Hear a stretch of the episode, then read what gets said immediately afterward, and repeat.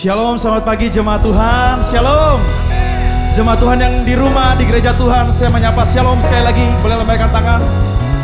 Kita bersuka cita pagi hari ini karena Tuhan baik sama kita. Amin. Kami mau mengucapkan selamat hari raya Imlek bagi saudara-saudara kita di dalam Kristus yang merayakan. Baik jemaat yang di rumah maupun di gereja Tuhan di tempat ini. Bersuka cita bahwa hari ini harinya Tuhan. Amin. Setiap hari adalah harinya Tuhan. Amin. Yang percaya kita beri tepuk tangan buat Tuhan kita. Kita bangkit berdiri bersama-sama untuk kita mau memuji Tuhan kita yang ajaib. Bapak yang baik, terima kasih kami bersyukur buat hari ini, hari yang luar biasa. Kami boleh berkumpul bersama-sama, beribadah di hadapan Tuhan. Kami yang di rumah, kami yang di gereja Tuhan, ingin bersuka cita, bersukaria, meninggikan nama Tuhan. Sebab setiap hari adalah harinya Tuhan. Berkat kemurahan-Mu menyertai hidup kami dari saat ini sampai selama-lamanya. Yang percaya sama-sama katakan, amin.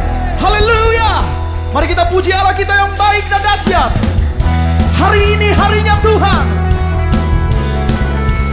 Terima kasih Tuhan. Haleluya. Wow, wow. Kami bersukaria di hadapanmu Tuhan. Mari jemaat sembah dia dengan imanmu.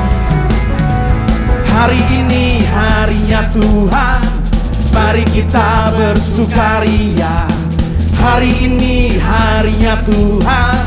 Mari kita bersukaria Bersuka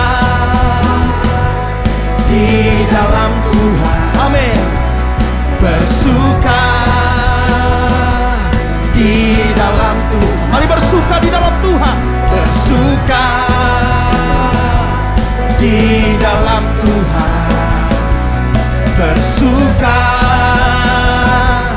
di dalam Tuhan. Yang bersuka cita beri tepuk tangan lebih lagi buat Tuhan kita. Haleluya. Hati kami bersuka Tuhan. Karena Tuhan hadir di sini. Terima kasih Tuhan. Mari sembah dia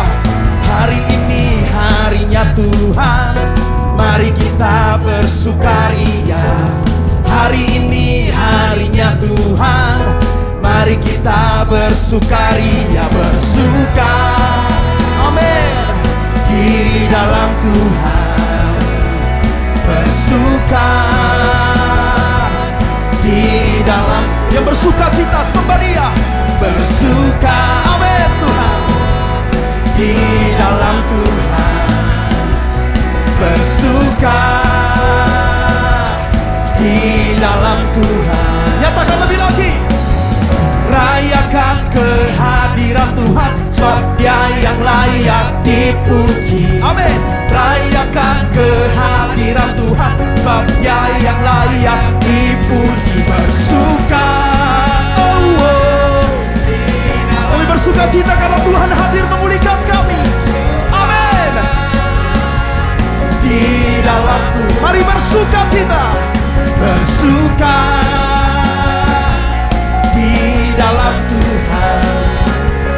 Bersuka, amin Yesus. Di dalam. Mari jemaat Tuhan sambil tepuk tangan puji Dia. Bersuka. Di dalam Tuhan. Dengan setiap hatimu bersuka. Sukacita Allah melimpah di gereja Tuhan. Di rumah-rumah jemaatmu Tuhan. Bersuka. Amin. Di dalam Tuhan. Haleluya. Bersuka menari bagi Tuhan kita. Bersuka di dalam Tuhan. Amin Tuhan. Bersuka di dalam bersuka cita. Bersuka oh, oh di dalam Tuhan. Bersuka oh, oh di dalam Tuhan. Beri tepuk tangan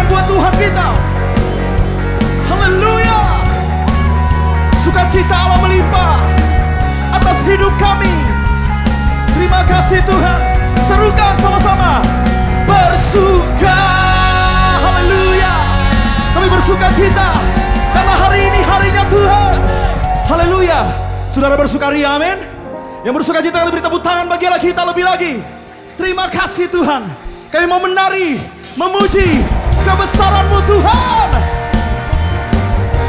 Lebih lagi kita beri tepuk tangan bagi Tuhan kita. Terima kasih Tuhan. Buat kebaikan-Mu yang ajaib di hidup kami Tuhan. Haleluya. Kami terima cinta-Mu yang ajaib Tuhan. Memulihkan kami. Haleluya. Aku kan bersuka karena kasih-Mu Menari memuji kebesaranmu Mari nyatakan Karena kau yang terhebat Kau layak ditinggikan. Jiwaku pun bersorak Sebab engkau Allah yang setia dan benar. Tak pernah tinggalkanku Kau selalu bersamaku. Yesus kau sumber kekuatan. Kami percaya Tuhan Ku hidup untuk menyenang Yang percaya beri tepuk tangan bagi Allah kita. Terima kasih Tuhan. Haleluya. Kami bersuka karena Yesus hadir di sini. Terima kasih Tuhan. Aku kan bersuka karena kasih-Mu. Menari memuji kebesaranmu Nyatakan dengan imanmu. Karena kau yang terhebat. Kau layak ditinggikan. Jiwaku pun bersorak. Sebab engkau Allah yang setia dan benar. Tak pernah tinggalkanku. Kau selalu bersamaku. Yesus kau sumber kekuatan hidup untuk Mari yang mau menyenangkan Tuhan sembah dia. Haleluya. Allah yang setia dan benar. Amin Tuhan. Tak pernah tinggalkanku Kau selalu bersamaku. Yesus kau sumber kekuatan. Terima kasih Tuhan. Ku hidup untuk menyenang Mari yang mau menyenangkan Tuhan kita Sembah dia, haleluya. Kau Allah yang setia. Selalu bersamaku. Yesus Tuhan mulia. Yesus Tuhan mulia. Amin Tuhan. Hidupku milikmu. Jemaat PPL Kopo nyatakan yang setia dan benar. Amin Tuhan. Tak pernah tinggalkanku. Kau selalu bersama. Sama dia Yesus kau sumber kekuatan. Ku hidup untuk menyenang. Allah yang setia Yesus namanya. Haleluya. Allah yang setia dan benar tinggalkanku. Kau selalu bersamaku. Yesus kau sumber kekuatan. Amin Tuhan. Ku hidup untuk menyenang Yang percaya beri kemuliaan bagi Allah kita. Allah yang setia. Allah yang setia. Kami mengalami kesetiaan Tuhan yang sempurna di hidup kamu Tak pernah tinggalkanku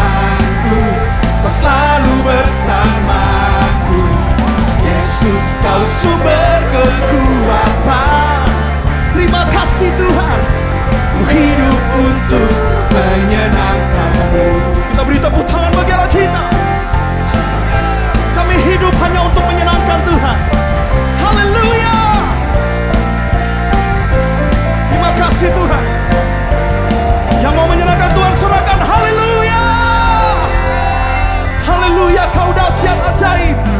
Terima kasih Tuhan Berapa banyak yang mengalami kesetiaan Tuhan Boleh lambaikan tangan kita di hadapan Tuhan Wow semuanya mengalami Kita beri tepuk tangan yang dahsyat Bagi Tuhan kita yang baik Dialah yang setia dan benar Silakan duduk kembali di dalam hadirat Tuhan saudara Terima kasih Tuhan kami mengalami kesetiaan Tuhan yang sempurna di hidup kami. Pagi ini kami datang, kami siapkan hati kami untuk menyembah Tuhan. Kami tanggalkan segala beban, pergumulan kami Tuhan. Di bawah kakimu Tuhan. Bawah pikiran kami, fokus kami untuk menyembah Tuhan. Untuk mendengarkan firman Tuhan. Yang menjadi dasar kehidupan kami. Makasih buat kebaikanmu, anugerahmu yang kami alami. Bila setiap kebaikan Tuhan membuat kami semakin mengenal Tuhan. Semakin mencintai Tuhan dari hari ke hari. Jadi hamba-hambamu yang setia di hadapan Tuhan. Mari jemaat Tuhan siapkan hatimu sembah dia. Haleluya. Ku tetap cinta.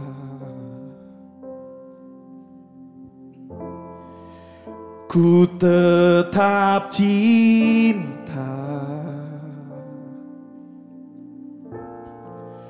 Walau badai datang menerpa Ku tetap cinta.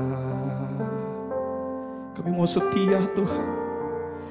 Ku tetap setia. Ku tetap setia. Walau topan datang menerpa Ku tetap setia. Terlalu banyak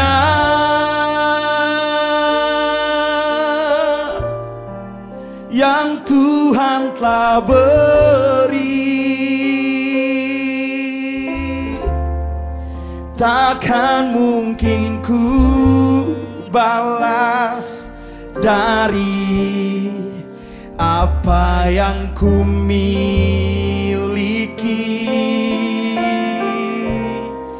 ku persembahkan seluruh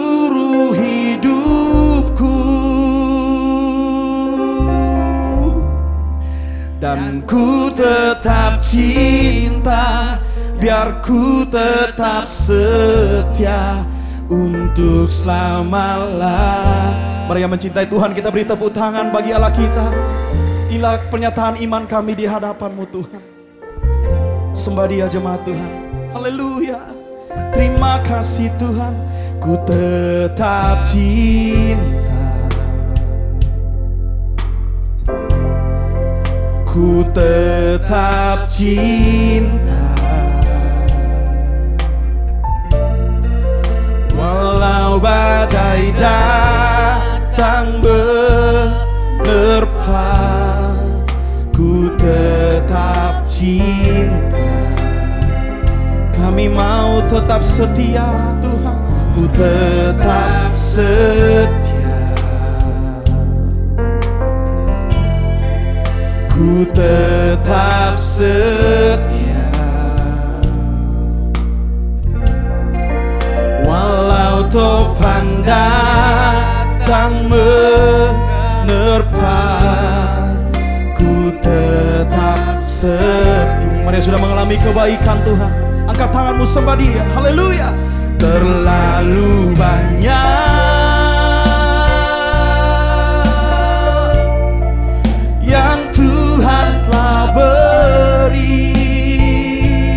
Amin Tuhan. Takkan mungkin ku balas dari apa yang ku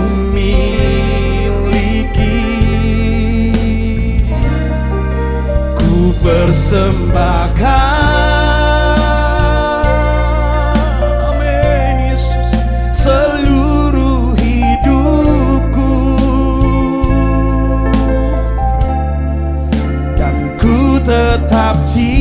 cinta Biar ku tetap setia Untuk selama-lama. Mari yang menyembah dia dengan setiap hatimu nyatakan Terlalu banyak. Amin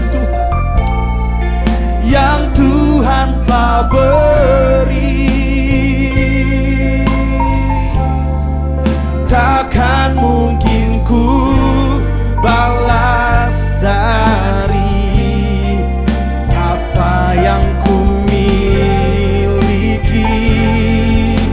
persembahkan hidup kami. Ku persembahkan. Hanya untukmu Yesus Tuhan. Terima kasih Bapa. Oh, oh. Dan ku tetap cinta. Biar ku tetap setia untuk selamalah Mari jemaat Tuhan sembah dia. Terlalu banyak kebaikanmu Tuhan. Terlalu banyak.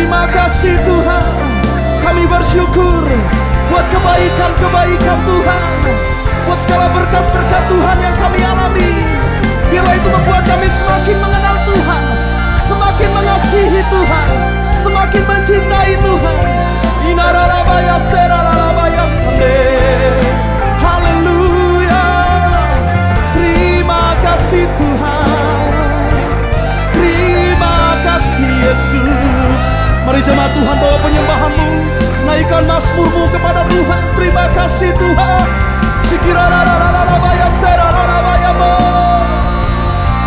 Seluka Bapa yang baik Seluka Bapa yang mengasihi kami Tuhan Kami bersyukur Kami mencintaimu Tuhan Kami mengasihimu Tuhan Inararabaya serararabayama Cirararabaya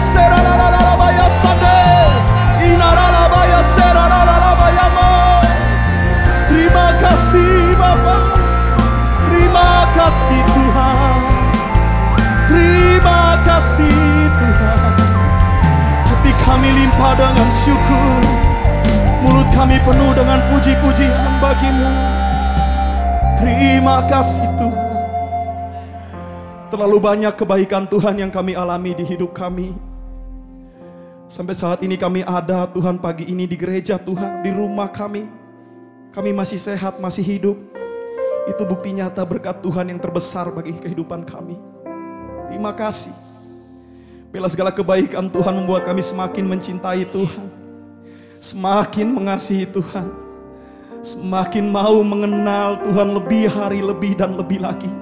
Terima kasih Bapak. Mari jemaat Tuhan yang sudah mengalami begitu besar kebaikan Tuhan angkat kedua tangan kita di hadapan Tuhan. Naikkan ucapan syukurmu kepada Tuhan. Mari sama-sama kita belajar mengenal Tuhan lebih lagi. Angkat tanganmu sembah dia. Oh Yesus. Jemaat Tuhan saja angkat pujian ini. Terlalu banyak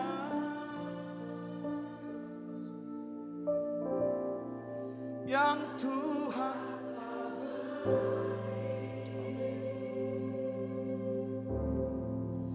telah akan mungkin ku balas dari apa yang ku miliki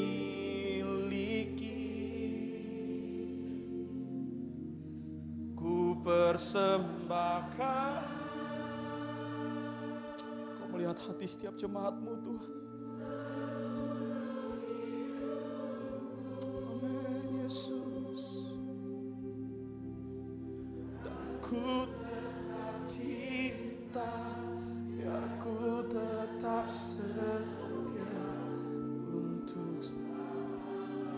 Tuhan lebih lagi nyatakan terlalu banyak kebaikan Tuhan. Terlalu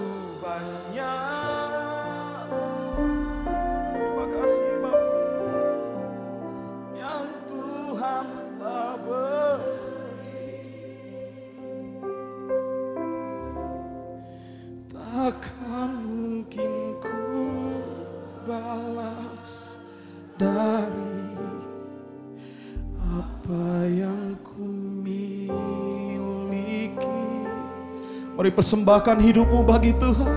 Ku persembah. Amin Yesus Tuhan. Seluruh hidup kami milikmu Tuhan. Yes Lord Jesus.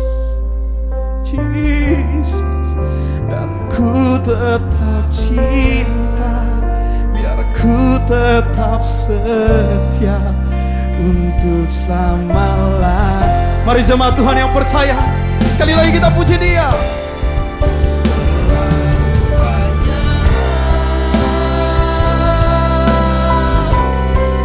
Yang Tuhan telah beri, amin Tuhan takkan mungkin ku balas dari apa yang ku miliki. Kami persembahkan seluruh hidup kami bagimu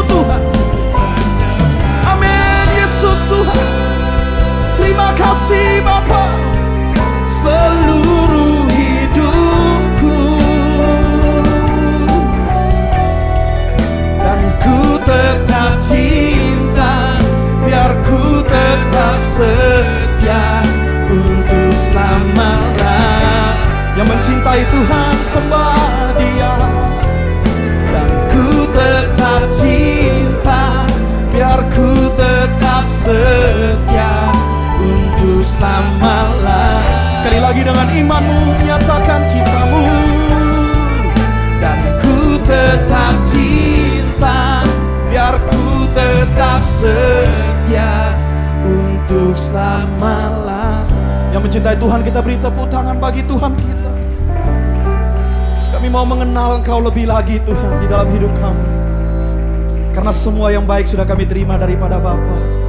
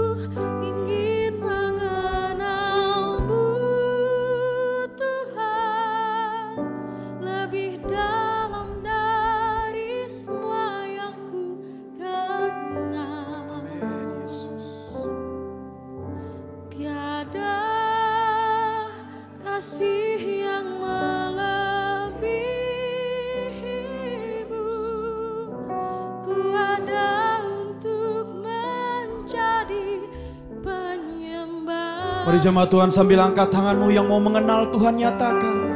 Dan ku ingin mengenalmu Tuhan. Lebih dalam dari semua yang ku Amin Yesus Tuhan.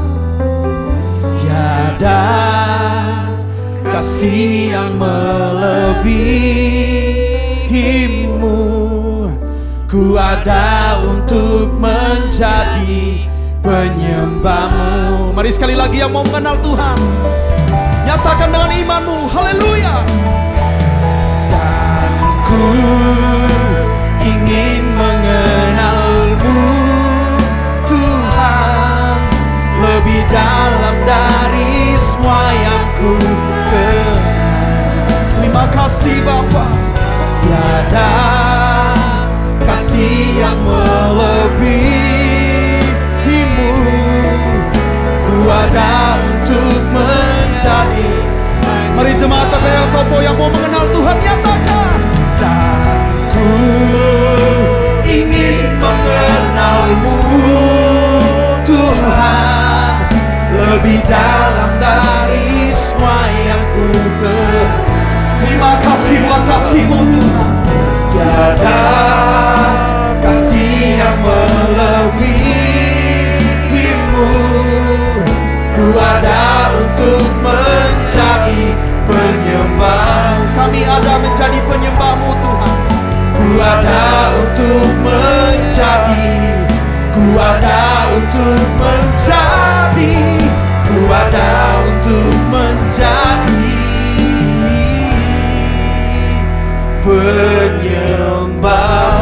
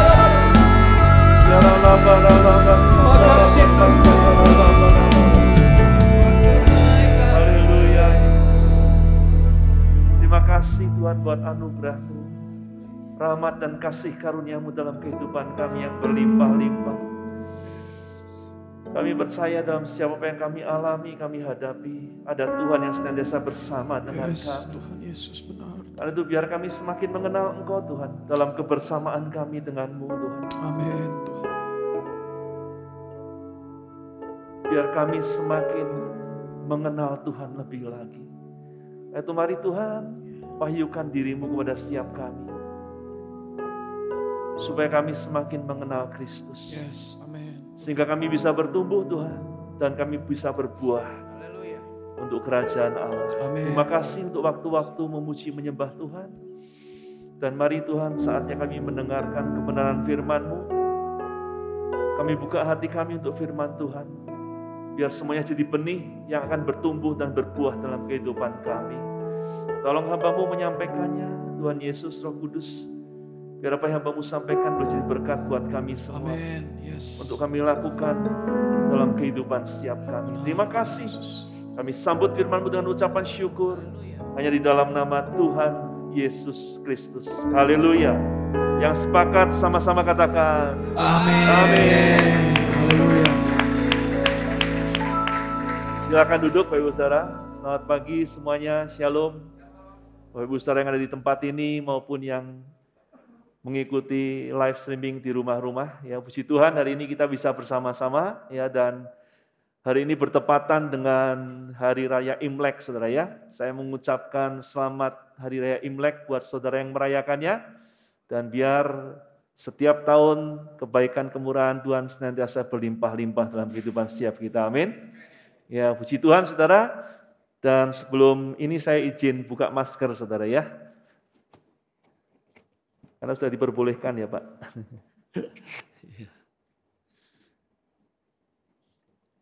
ya saudara, hari ini saya ingin sharing firman Tuhan dengan judul terdahulu versus terakhir. Ya, apa maksudnya? Nanti kita sama-sama akan melihat lebih jauh, saudara. Ya, saudara, bulan November kemarin saya sampaikan satu hal, saudara ya bahwa di Matius pasal 17 ayat 20 Tuhan Yesus berkata begini saudara.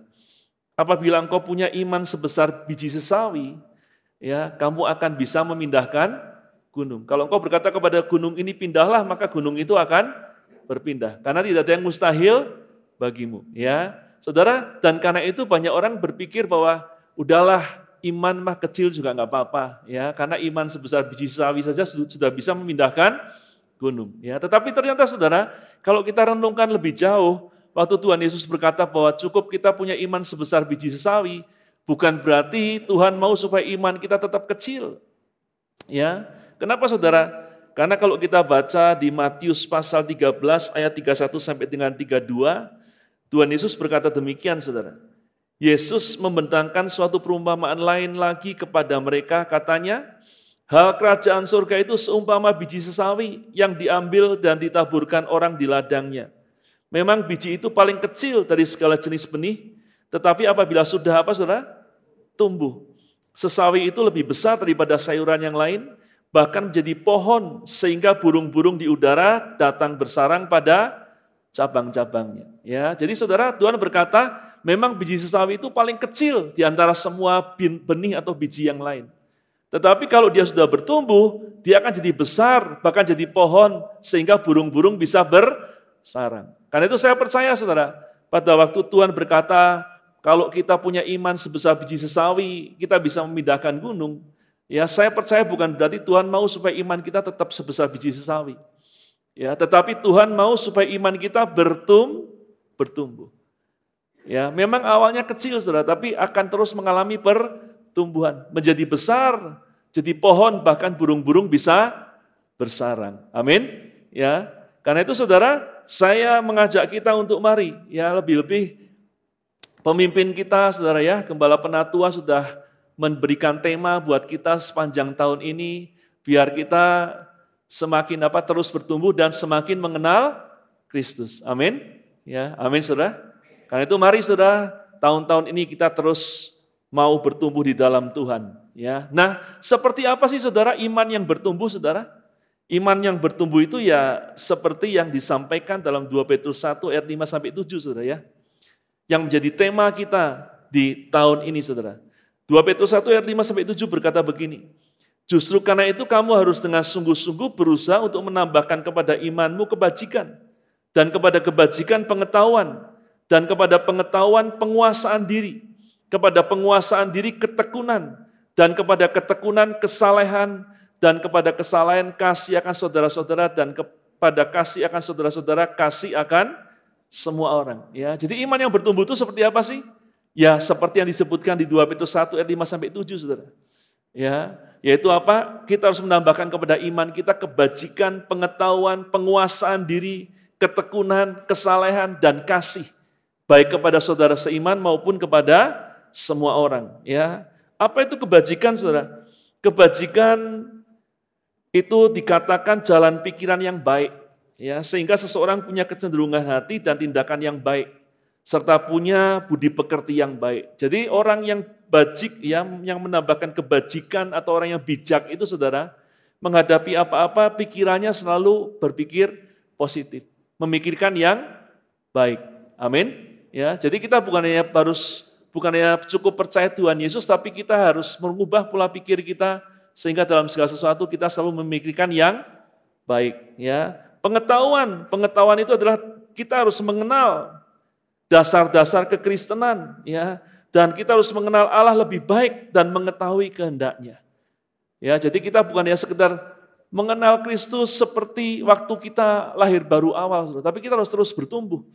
Ya, dan karena itu kita harus perlu belajar supaya kita mengerti tentang dasar-dasar dari kekristenan dan kita perlu bersekutu dengan Tuhan lebih lagi supaya kita mengenal pribadinya lebih baik lagi saudara. Penguasaan diri pada dasarnya adalah kita harus mengesampingkan keinginan sendiri, ya belajar untuk mengesampingkan keinginan kita supaya kita bisa mengasihi Tuhan dan sesama lebih lagi. Terutama orang-orang yang paling dekat dengan kita. Ya, ketekunan berarti apa saudara? tidak menyimpang dari tujuan dan tetap setia dalam iman. Meskipun harus menghadapi pencobaan dan penderitaan pada waktu menjalaninya. Ya, itu ketekunan. Jadi tetap ada pada tujuan awal waktu kita menerima Tuhan Yesus, waktu kita lahir baru. Kesalehan dikatakan orang yang salah itu dia dengan senang hati membiarkan Allah menentukan jalan hidupnya. Dia percaya kepada Tuhan, ya. Apa pun yang terjadi, apa pun yang Tuhan izinkan terjadi, dia percaya bahwa Tuhan selalu punya rancangan yang baik dalam kehidupannya. Amin, Saudara. Ya. Dan kemudian kasih akan saudara dan kasih akan semua orang. Itu pada dasarnya adalah kita menyukai pergaulan dengan orang lain dan kita bisa menyenangi mereka. Ya, kita tidak lagi membenci orang-orang lain, ya, kita selalu ramah, kita selalu baik kepada orang lain, kita suka bergaul ya dan lain sebagainya Saudara. Nah, Saudara, dikatakan kalau kita memiliki iman yang bertumbuh, maka apa yang akan terjadi Saudara? Dalam ayat 8 dan 9-nya Saudara ya, 2 Petrus 1 ayat 8 dan 9. Nah, dikatakan Saudara, sebab apabila semuanya itu ada padamu dengan berlimpah-limpah, kamu akan dibuatnya menjadi apa Saudara? giat dan berhasil dalam pengenalanmu akan Yesus Kristus Tuhan kita. Tetapi barang siapa tidak memiliki semuanya itu, ia menjadi buta dan picik karena ia lupa bahwa dosa-dosanya yang dahulu telah dihapuskan. Ya, saudara dikatakan kalau kita terus bertumbuh, artinya menambahkan kepada iman kita tadi ya, pengetahuan, kebajikan, penguasaan diri, ketekunan, kesalehan, kasih akan saudara seiman dan kasih kepada semua orang, maka dikatakan kita akan jadi giat dan berhasil. Menjadi giat artinya apa saudara? Kita tidak menjadi lamban dan tidak menjadi malas. Untuk apa? Untuk terus bertumbuh di dalam Tuhan. Untuk semakin mengasihi Tuhan. Untuk semakin hidup dalam kebenaran-kebenaran Tuhan. Ya, banyak orang saudara dari dulu sampai hari ini ya saudara ya dan mudah-mudahan nggak sampai selama-lamanya dia nggak pernah mengalami perubahan saudara. Ya, sejak pertama kenal Tuhan Yesus sampai sekarang ya tetap seperti itu. Ya nggak bertumbuh lebih baik. Kenapa saudara? Karena dia penuh dengan kemalasan dan kelambanan untuk mengenal Tuhan. Tetapi kalau orang-orang yang bertumbuh saudara, maka dia akan semakin mengenal Kristus dan semakin bertumbuh lebih lagi. Berhasil, dikatakan kalau orang yang berhasil itu tidak akan tidak berbuah, tidak akan menjadi tandus. Dia pasti akan menghasilkan sesuatu yang bisa dilihat, dirasakan orang lain, dan juga dirasakan oleh Tuhan. Menyenangkan orang lain, memberkati orang lain, dan juga menyenangkan hati Tuhan. Ya, itu artinya menjadi giat dan berhasil. Sedangkan kalau kita nggak bertumbuh, dikatakan kita menjadi buta dan picik. Buta dan picik itu saudara kita lupa bahwa Tuhan sudah bebaskan kita dari hidup lama yang penuh dosa, yang pada akhirnya akan membawa kebinasaan. Ya, kita lupa bahwa hidup lama kita digantikan dengan hidup yang baik, hidup yang berbuah. Kita lupa bahwa Tuhan bawa kita menjalani kehidupan yang tidak sia-sia, bahkan yang akan membawa kita pada kehidupan yang kekal. Ya, nah saudara, seperti apa sih contoh orang yang buta dan picik, saudara? Ya, saya mau mengajak kita untuk melihat dari sebuah perumpamaan. Saudara, nanti kalau sudah baca Matius 19 ayat 16 sampai 26, saudara, di situ diceritakan tentang orang muda yang kaya. Ya, dikatakan ada seorang muda datang kepada Tuhan Yesus dan dia berkata, Guru, bagaimana supaya aku bisa memperoleh hidup yang kekal? Dan Tuhan berkata, kamu harus melakukan perintah Tuhan. Perintah yang mana? Jangan membunuh, jangan bersinah, hormati ayah ibumu, dan lain sebagainya. Dan orang muda ini berkata, itu sudah kami lakukan, itu sudah aku lakukan. ya Sejak masa kecilku, ya aku selalu lakukan itu. Dan Tuhan Yesus berkata apa, saudara? Kalau ada satu lagi yang harus kamu lakukan kalau kamu mau jadi sempurna. Jualah seluruh hartamu dan kemudian apa? Ikutlah aku. Tetapi orang muda itu kemudian meninggalkan Tuhan Yesus dengan sedih. Kenapa saudara? Karena hartanya banyak.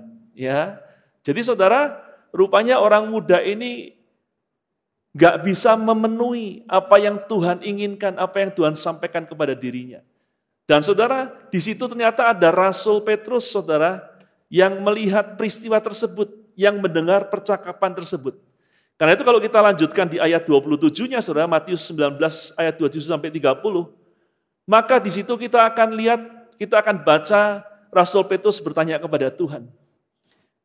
Tuhan, kami ini sudah meninggalkan segala sesuatu untuk mengikut Engkau. Apa yang akan kami peroleh? Ya. Jadi rupanya Saudara, waktu Rasul Petrus mendengar bahwa kepada orang muda ini Tuhan ngomong, kalau kamu mau sempurna, jual hartamu, bagikan kepada orang miskin, kemudian ikut aku. Itu rupanya dilihat atau didengar oleh Rasul Petrus. Dan kemudian Rasul Petrus berpikir, aku ini sudah meninggalkan segala sesuatu untuk ikut Tuhan Yesus.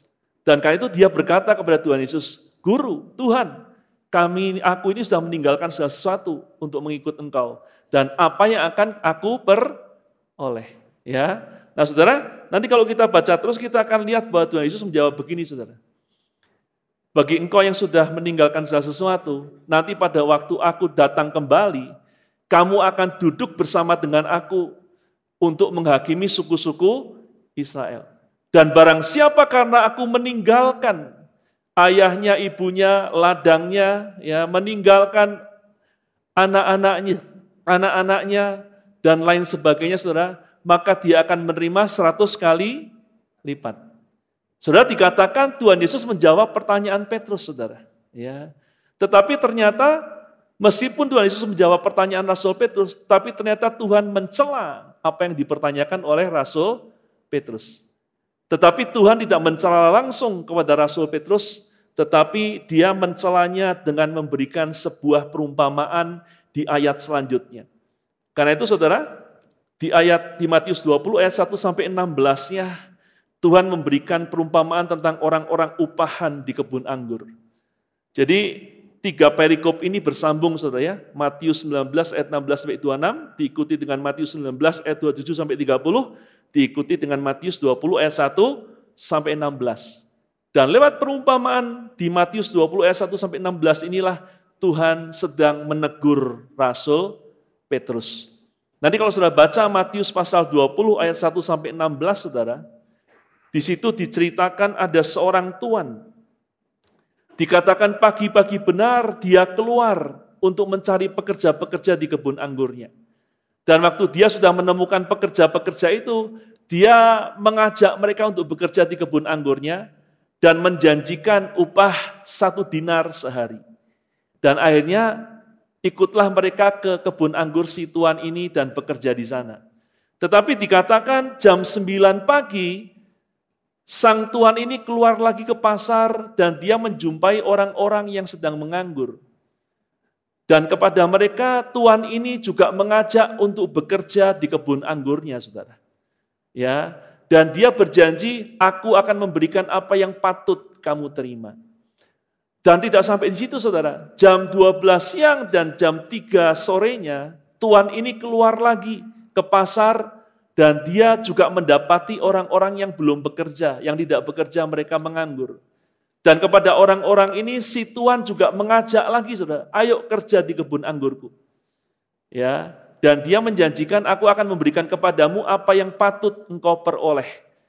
Tetapi ternyata nggak sampai di situ saudara. Jam 5 sore Tuhan ini masih keluar lagi ke pasar.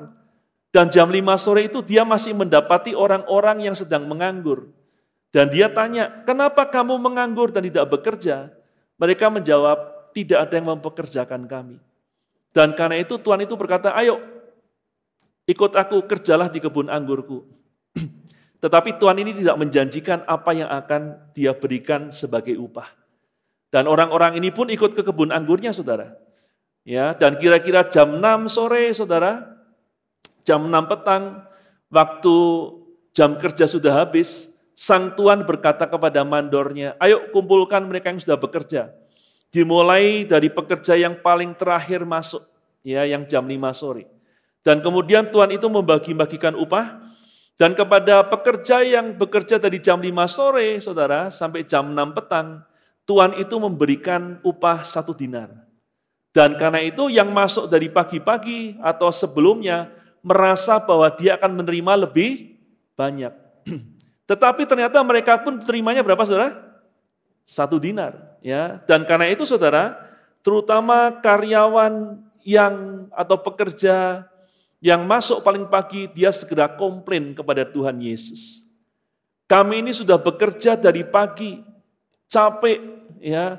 Kami ini yang menanggung panas terik dari pagi sampai siang sampai sore. Tetapi kenapa kepada kami hanya diberikan satu dinar? Dan Tuhan Yesus berkata apa kepada mereka, saudara? Bukankah kita sudah sepakat satu dinar sehari? Terimalah apa yang jadi bagianmu dan pergilah. Aku berhak memberikan kepada siapa pun sesuai dengan kehendakku, kata Tuhan Yesus. Ya, mengapa kamu demikian? Apakah kamu iri hati? Ya. Nah, saudara, kemudian di ayat 16-nya Tuhan Yesus berkata demikian, saudara. Yuk kita baca sama-sama Matius 20 ayat 16 dua, satu. Demikianlah orang yang terakhir akan menjadi yang terdahulu dan yang terdahulu akan menjadi yang terakhir. Ya, saudara, orang yang terdahulu adalah orang-orang yang masuk paling awal, lebih awal. Tapi dikatakan akan menjadi yang terakhir. Sedangkan orang yang terakhir masuk dikatakan akan menjadi yang terdahulu. Artinya apa saudara? Sebenarnya sederhana saudara. Waktu Tuhan berkata orang yang terdahulu jadi orang yang terakhir, itu sebenarnya Tuhan sedang berkata begini, kamu sudah ikut aku sejak lama, kamu sudah setia percaya kepadaku sejak lama, tapi sampai hari ini kamu tidak bertumbuh. Karena itu dia terdahulu, tapi jadi yang terakhir. Dia yang paling lama ikut Tuhan Yesus, tapi nggak bertumbuh, sehingga dia menjadi seperti orang yang terakhir baru masuk, saudara. Jadi orang yang seperti, tetap jadi orang yang seperti baru kenal Tuhan Yesus, baru ikut Tuhan Yesus. Karena itu dikatakan kamu terdahulu tapi terakhir. Kenapa? Karena tidak bertumbuh. Amin. Jadi bertumbuh itu sangat penting saudara. Supaya kita tidak menjadi yang terakhir. Amin. Bagaimana supaya kita tidak menjadi yang terakhir? Bukan kita harus jadi yang paling hebat, paling cepat, bukan. Tetapi kita harus terus bertumbuh bertumbuh. Amin. Ya, sehingga ada nyata perubahan dalam kehidupan kita. Sedangkan orang yang terakhir jadi terdahulu. Artinya apa? Dia baru sebentar ikut Tuhan Yesus. Tetapi dia bertumbuh karena itu seakan-akan dia sudah lama ikut Tuhan Yesus. Ya, baru sebentar ikut Tuhan Yesus, tetapi mengalami perubahan yang demikian drastis yang luar biasa. Amin, Saudara. Karena itu dikatakan terakhir tapi jadi terdahulu. Ya, Nah saudara, apa sih saudara ciri-ciri orang yang terdahulu tapi terakhir? Dan apa ciri-ciri orang yang terakhir tapi terdahulu saudara? Pekerja yang masuk pagi-pagi saudara itu sebenarnya pekerja yang terdahulu. Saya percaya waktu dia dipekerjakan di kebun anggur si tuan ini, waktu dia diberikan kesempatan untuk bekerja, dia pasti berterima kasih kepada sang Tuhan, saudara, yang kasih pekerjaan itu. Amin, saudara, betul? Ya. Dan saudara, tetapi waktu diberi upah, dia komplain. Kenapa, saudara? Karena dia sudah merasa berkorban banyak bagi tuannya. Dia sudah melakukan banyak bagi tuannya. Dan karena itu dia menuntut sang Tuhan untuk memberikan seperti apa yang dia pikirkan. Seperti apa yang dia inginkan. Dia lupa bahwa dia mendapatkan pekerjaan itu dari sang Tuhan, saudara. Inilah orang-orang yang terdahulu tetapi menjadi yang terakhir. Ya, Waktu awal dia mengikut Tuhan, dia sangat bersyukur kepada Tuhan. Tetapi seiring waktu, ucapan syukurnya, rasa terima kasihnya hilang kepada Tuhan, saudara. Sedangkan orang-orang yang terakhir tapi jadi terdahulu itu adalah pekerja-pekerja yang masuk jam 5 sore. Ya, saya percaya Saudara, waktu pekerja ini yang masuk jam 5 sore ini diberikan pekerjaan sampai jam 5 sore dia masih menganggur dan pada waktu Tuhan datang kepada dia, dia beri, Tuhan berikan pekerjaan di kebun anggurnya, ya, sang Tuhan berikan pekerjaan di kebun anggurnya, pekerja ini pasti akan sangat berterima kasih. Amin. Dari pagi nganggur sampai sore, tiba-tiba ada seorang Tuhan dan kasih pekerjaan, saudara. Ya, padahal sudah jam 5 sore. Ya, dan saya percaya waktu dia terima pekerjaan itu, dia sangat berterima kasih. Amin. Tetapi yang luar biasa, waktu dia terima upah, dia tetap berterima kasih. Tidak seperti pekerja yang terdahulu masuk. Pekerja yang terdahulu masuk, saudara. Waktu terima pekerjaan dia terima kasih, tetapi waktu terima upah dia menggerutu. Dia bersungut-sungut kepada tuannya. Ya, Kenapa pekerja yang kedua ini saudara? Dia tetap bersyukur, berterima kasih kepada sang Tuhan, karena dia tahu bahwa apa yang Tuhan berikan kepadanya itu, sang Tuhan berikan itu adalah anugerah semata-mata. Amin. Ya, dia tidak akan mungkin terima sedinar kalau dihitung dari jam kerjanya. Ya, bahkan dia harusnya hari itu nggak terima pendapatan sama sekali. Kenapa? Karena sampai jam 5 sore tidak ada yang mempekerjakan dia. Karena itu kalau ada seorang tuan yang datang mempekerjakan dia di hari yang sudah sore, itu adalah anugerah. Ya. Dan kalau kemudian dia menerima upah yang demikian besar, itu juga ada adalah sebuah a, anugerah. Sehingga waktu dia terima panggilan itu, dia bersyukur berterima kasih. Ya. Dan waktu dia terima upah, dia tetap berterima. Kenapa? Karena dia tahu bahwa apa yang dia terima itu harusnya nggak layak, saudara. Amin.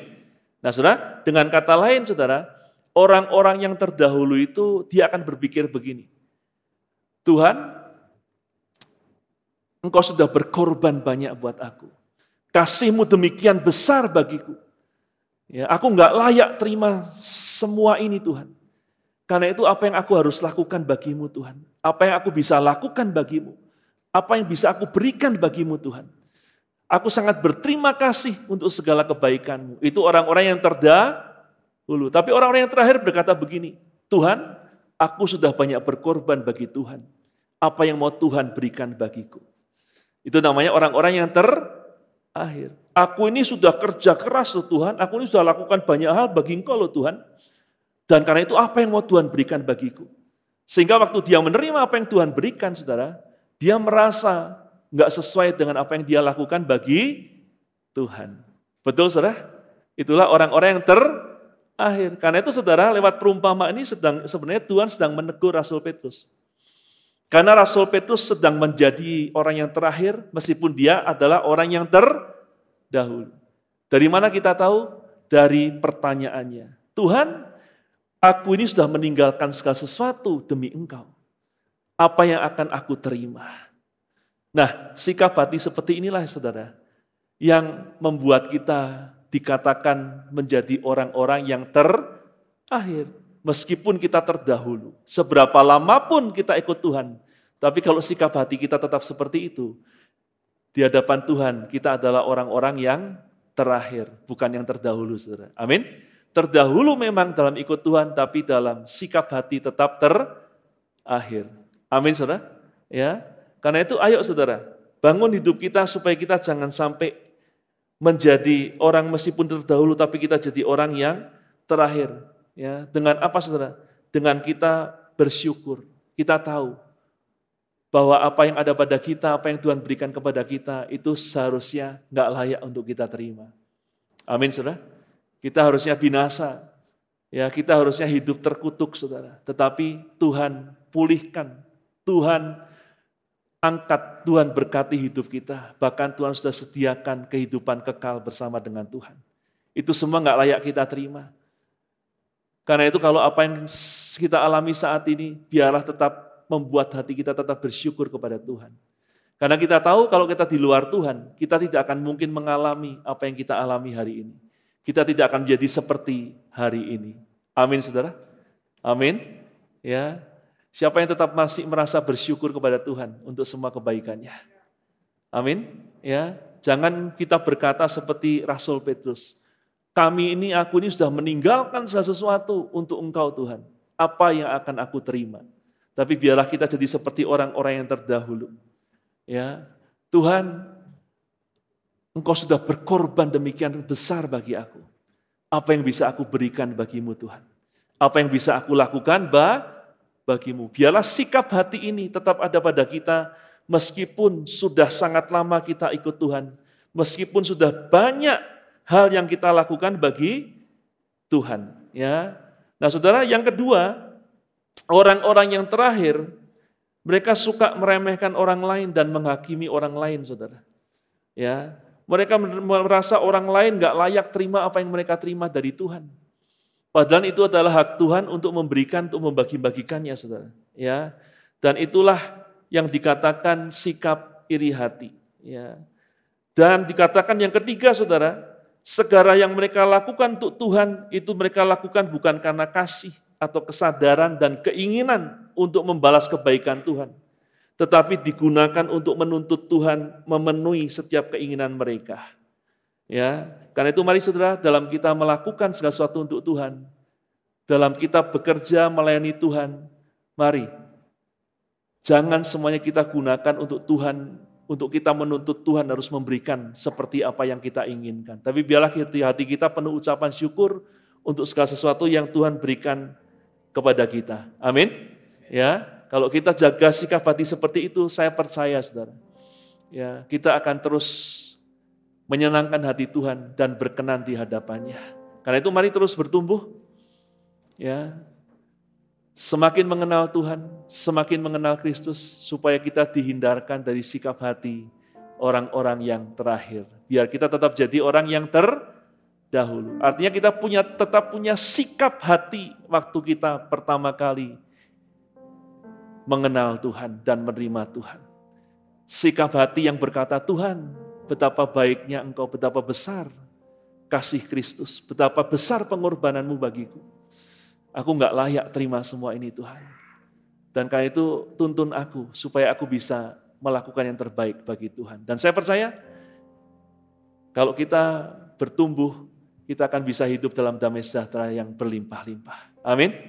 Bagaimanapun keadaan dunia ini, tapi damai sejahtera Tuhan tetap menyertai setiap kita. Haleluya. Mari bangkit berdiri bersama-sama saudara. Naikkan pujian ini. Ya.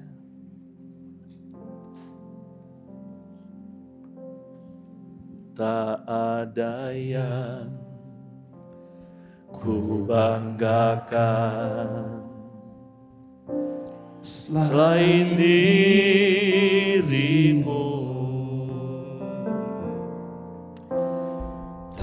Ada yang ku inginkan. Hanyalah engkau. Ajarku mengenalmu.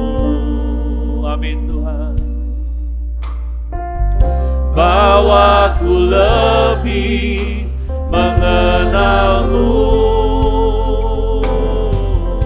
Pribadimu yang ku rindu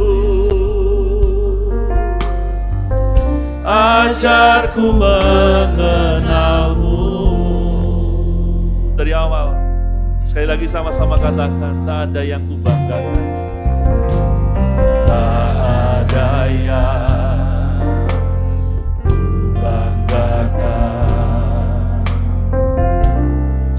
selain dirimu. Amin. Tak ada yang ku inginkan Hanyalah engkau.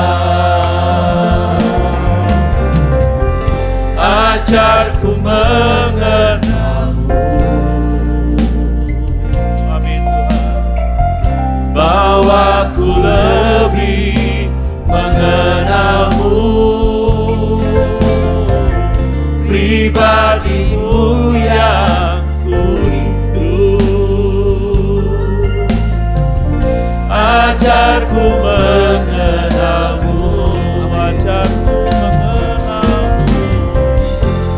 Ajarku mengenalmu. Amin Bahwa ku lebih mengenalmu. Pribadimu yang ku rindu. Ajarku Sekali lagi Dengan segenap hati katakan Ajarku mengenalmu. Bahwa ku lebih mengenalmu. Pribadimu yang ku rindu Amin. Ajarku mengenalmu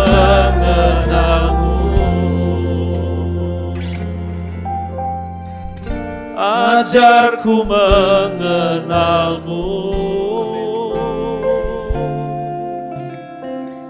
Ajarku mengenalmu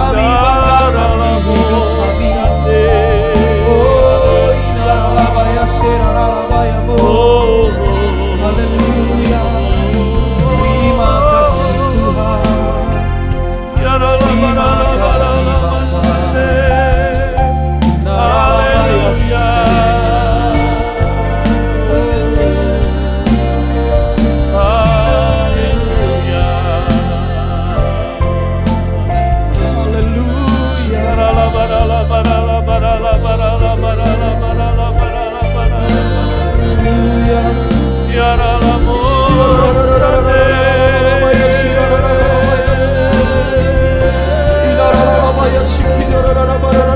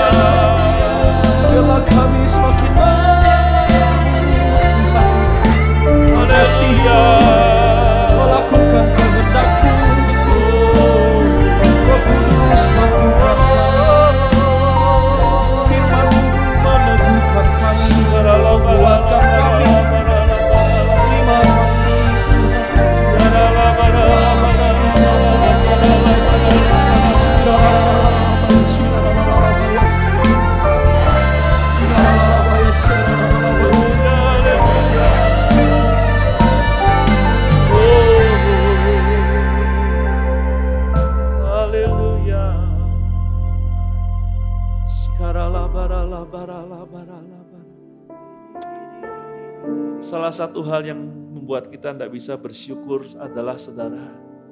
Kalau kita merasa sudah melakukan banyak bagi Tuhan. Satu hal yang membuat kita nggak bisa bersyukur adalah kalau kita merasa kita sudah berkorban bagi Tuhan.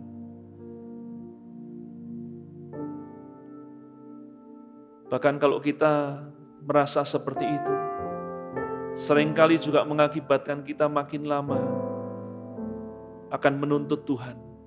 Kita akan merasa Tuhan gak memberikan kepadaku seperti yang seharusnya aku terima.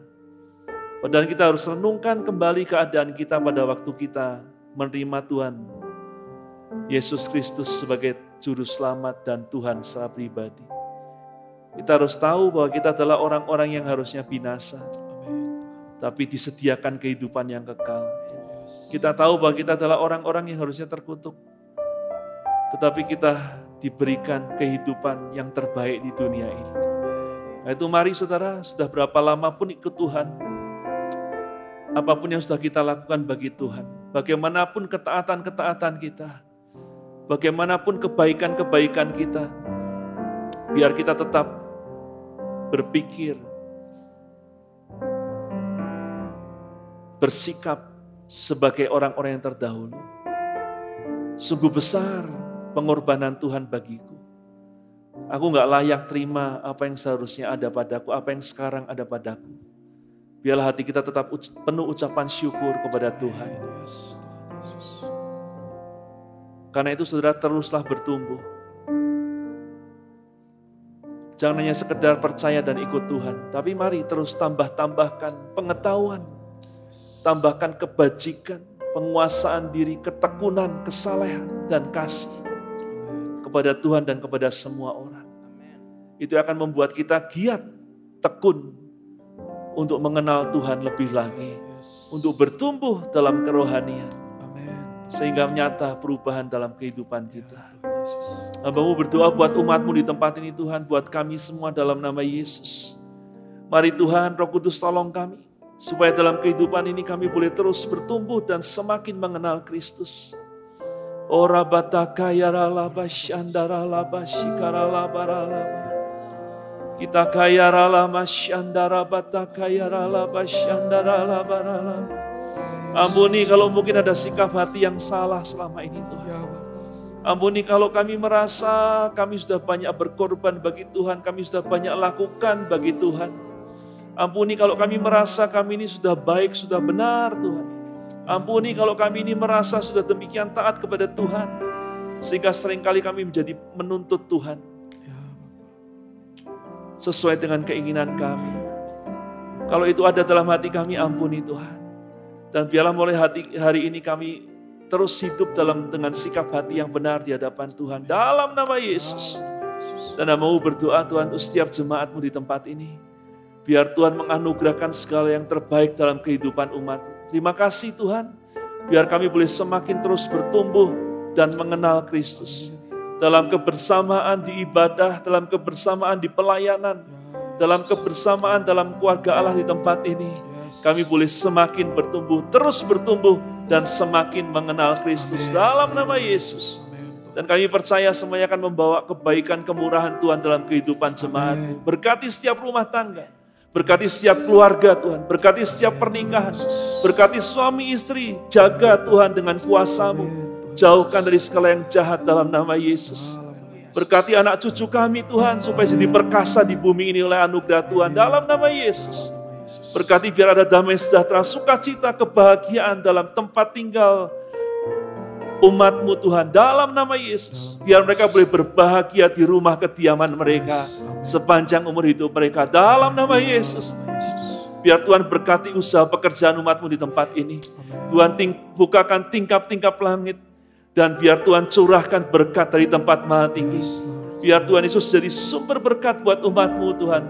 Dalam nama Yesus. Kami berdoa biar kami boleh tetap ada dalam perlindungan Tuhan. Biar kami boleh tetap sehat Tuhan untuk kami mempermuliakan Tuhan. Dalam nama Yesus. Juga buat umatmu yang ada di rumah Tuhan yang mengikuti secara live streaming. Tuhan juga berkati berlimpah-limpah dalam nama Yesus. Terima kasih kami serahkan semuanya ke dalam tangan. Kalau ada pergumulan-pergumulan umatmu, hamba, hambamu percaya engkau akan buka jalan buat mereka semua. Dalam nama Yesus. Jalan-jalan terbuka, pintu-pintu terbuka di hadapan umatmu dalam nama Yesus. Terima kasih Tuhan. Kami juga berdoa untuk para pemimpin rohani kami. Berkati hambamu Tuhan, Bapak Pendeta Budiman Stiono, berkati hambamu Bapak Pendeta Lukas Suherli, Bapak Pendeta Lukas Yonatan Tuhan, dan semua gembala-gembala cabang dan para pemimpin Tuhan. Biar tuntunan Tuhan terus menyertai setiap para pemimpin kami Tuhan. Dalam nama Yesus. Dan biar kehendak Tuhan terjadi dalam kehidupan mereka. Terima kasih Tuhan. Kami serahkan semuanya ke dalam tangan-Mu. Kami juga bersyukur Tuhan untuk kota, bangsa, dan negara kami. Terima kasih untuk kesejahteraan yang Tuhan berikan. Terima kasih Tuhan untuk keamanan, ketertiban yang Tuhan berikan. Kami bersyukur Tuhan, hari ini pandemi Tuhan sudah berlalu Tuhan dan kami boleh kembali menikmati kehidupan kami Tuhan. Meskipun belum sepenuhnya hilang tapi kami percaya ada anugerah Tuhan yang akan melindungi kami dalam nama Yesus. Dan kami terus berdoa biar kembali Tuhan kehidupan bisa berjalan dengan baik di setiap aspeknya. Dalam nama Yesus. Mengucap syukur untuk pemerintahan kota, bangsa, negara kami. Berkati Bapak Presiden kami, Bapak Jokowi, dan Wakil Presiden Bapak Maruf Amin. Biar semuanya ada dalam pelindunganmu yang sempurna. Berkati Tuhan, biar semua program kerja yang dirancangkan untuk kesejahteraan bangsa dan negara boleh tercapai dalam nama Yesus. Dan kami juga berdoa untuk 2024 milu yang akan datang. Kami percaya Tuhan sudah mempersiapkan pemimpin yang terbaik untuk bangsa dan negara kami. Dan kami percaya Tuhan, yang akan terus menjaga ketertiban keamanan di kota, bangsa, dan negara kami. Jauhkan dari segala yang jahat Tuhan. Jauhkan dari semua kekacauan.